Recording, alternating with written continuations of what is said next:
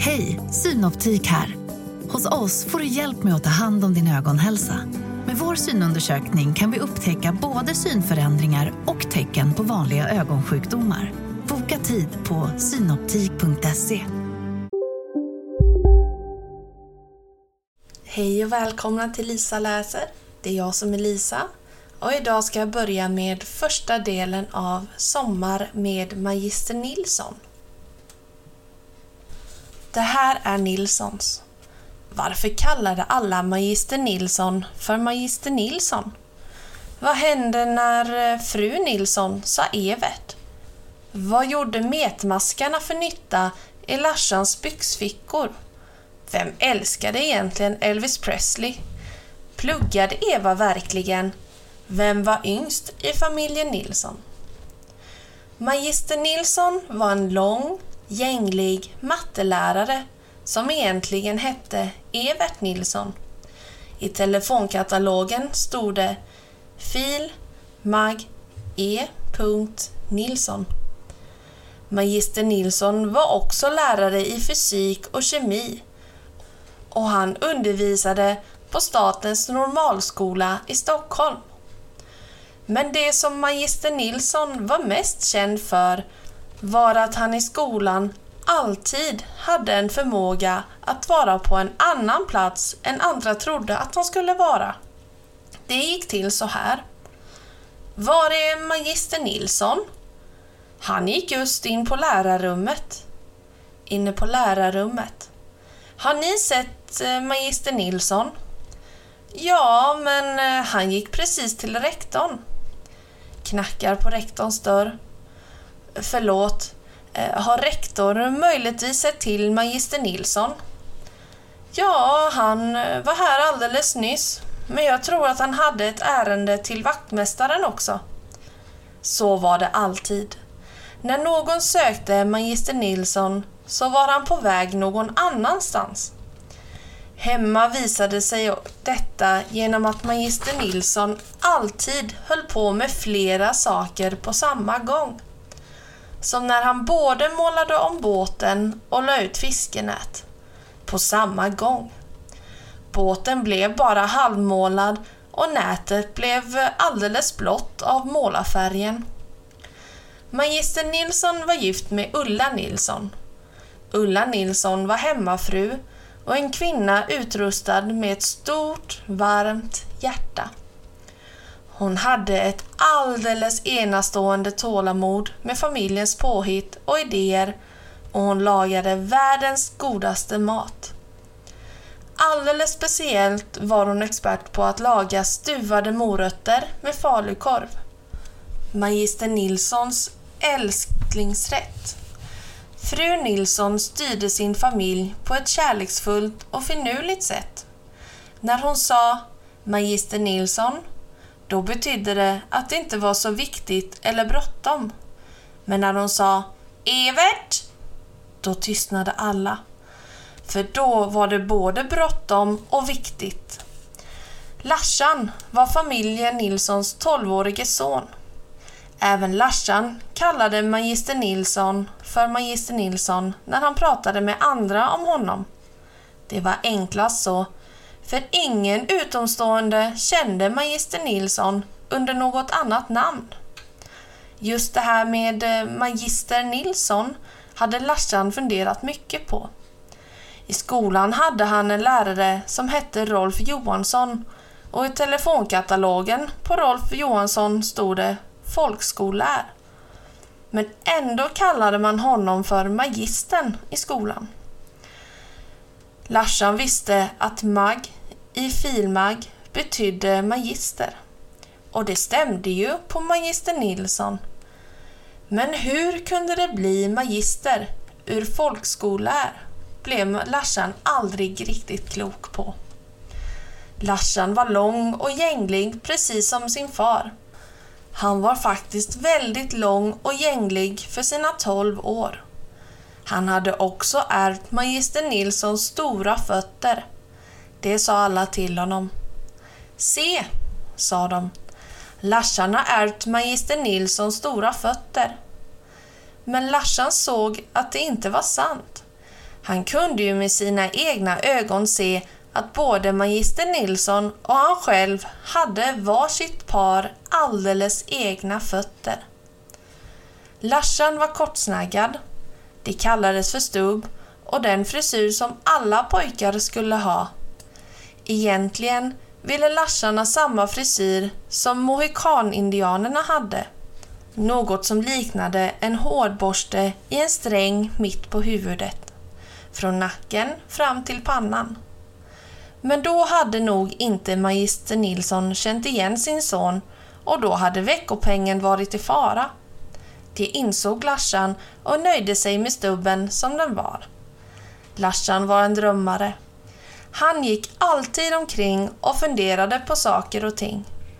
Ofta funderade han på hur han skulle kunna fånga världens största abborre.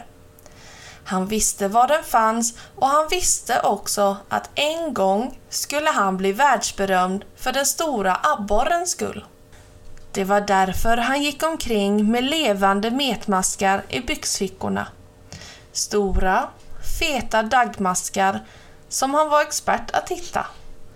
Metmaskarna fanns under stenar och plank och han gick aldrig förbi en plankhög utan att kolla under. Det gällde att alltid vara beredd på att fånga världens största abborre.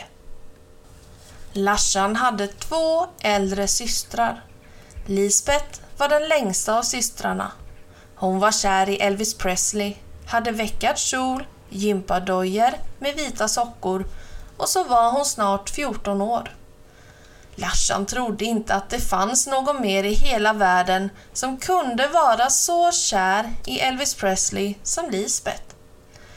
Lisbeth hade lätt för att skratta och då kved hon alltid Sluta! Jag kissar snart på mig! Nästan, tänkte Larsan. Tjejer måste ha ett system som gör att de nästan kan kissa på sig. Äldsta systern Eva var kort till växten, precis som fru Nilsson. Hon var 16 år och hade en rak pannlugg. Luggen gjorde att hon såg väldigt klok ut. Och det var hon säkert också, trodde Larsan, för hon fick alltid bra betyg i skolan. Ni får inte komma in i mitt rum, ropade hon ofta till resten av familjen. Jag pluggar! Men Larsan visste vad hon gjorde i sitt rum när hon pluggade. Det hade han sett genom nyckelhålet. Hon målade i olja. Hon målade tavlor med oljefärg. När hon visade en tavla för någon och fick beröm sa hon alltid Äsch, den är ju inte färdig. Jag måste ju plugga så mycket. Familjen Nilsson hade en medlem till. Det var taxen Taxen och tack vare taxen Taxen så slapp Larsan känna sig själv som den yngsta i familjen Nilsson. Under hela läsåret bodde familjen Nilsson i en solgul villa i en av Stockholms förorter. Larsan betraktade huset i Stockholm som något som hade med plugget att göra. Där hade man helt enkelt inte så mycket tid över för varandra. Däremot var sommarstället i Dalarna familjen Nilssons verkliga hem, enligt Larsan då. Under nästan tre härliga sommarmånader varje år hade man hur mycket tid som helst tillsammans. All tid i världen. Och där väntade ju världens största abborre på att få bli fångad. Den blomstertid nu kommer. Fördelen med bra betyg. Konrads succé. Rektorn blir smickrad. Den blomstertid nu kommer med lust och fägring stor. Du nalkas ljuva sommar då gräs och gröda gror. Larsan sjöng av hela sitt hjärta där han stod tillsammans med sin klasskompis Björn längst bak i kören på skolgården. Han var klädd i vit skjorta och grå flanellbyxor. Kompisarna sjöng för fulla halsar, kortsnaggade och lyckliga. Äntligen! Nu kändes det verkligen att sommaren var här med sin skira grönska och sina doftande syrenklasar. Enskedefältets folkskola badade i solsken och svenska flaggan dansade i den ljumma sommarvinden. Himlen lyste blå, blå, dalablå. Larsan var nöjd. I bakfickan hade han sitt betyg som lovade ett fritt sommarlov utan extra läsning. Han visste hur trist det var att sitta på sommarställets kammare en timme om dagen och plugga multiplikationstabellen medan kompisarna åkte och badade. Hans syster Lisbeth hade fått göra det förra sommaren och han kom mycket väl ihåg hur ledsen hon hade sett ut när han cyklat iväg med badbrallorna och på styrstången. Magister Nilsson hade nämligen bestämt att den som kom hem med dåligt betyg fick plugga extra på sommaren.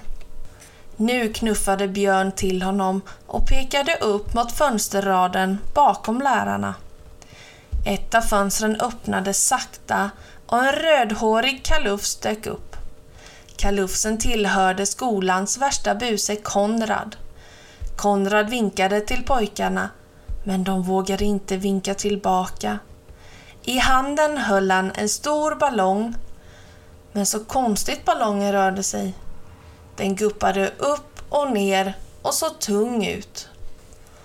Två våningar nedanför Konrad stod lärarna uppställda i givakt bakom skolans rektor och med näsorna vända mot eleverna på skolgården.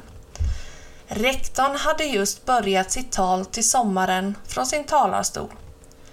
Äntligen är du här du varma, sköna sommar. Som en stor apelsin lyser solen på barn och blommor. Humlan surrar på jakt efter honung i fyllda blomsterkupor. Barnen stod som tända ljus och väntade på det oundvikliga. Alla förstod. Åh, du granna, sanna sommar. Ge oss en grön tid, en varm tid, mässade rektorn. En tid utan vatten från ovan. Skvash! Konrad hade släppt den tunga ballongen rakt ner på talarstolen där den exploderade i en kaskad av vatten. Rektorn stod där alldeles genomblöt och med vattnet droppande från näsan. Lärarna hade också blivit översköljda av vattnet och fröken Fliténs noga uppsatta frisyr var totalförstörd. Trevlig sommar! Ropade Konrad uppifrån fönstret och försvann. Vilken tystnad. Då började plötsligt rektorn att skratta. Först lite, sedan mer och mer. Lärarna började också skratta. De kiknade av skratt. Barnen vågade också skratta och snart rungade hela skolgården av skratt. Oj, oj, oj, ilade rektorn. Säga vad man vill om Konrad, men han arrangerade verkligen en festlig skolavslutning. Det hade ingen väntat sig att den stränge rektorn skulle säga. Larsen började plötsligt att applådera och snart applåderade alla på skolgården. Trevlig sommar barn! ropade rektorn och det märktes att han var smickrad av applåderna fast de egentligen var menade åt Konrad. Trevlig sommar! ropade rektorn. Trevlig sommar barn! Stick iväg nu! Ut med sommarhagarna mer! Larsan sprang jublande ut genom skolgrindarna tillsammans med kamraterna. Ut till friheten. Och snipp, snapp, snut. Nu är denna lilla del slut.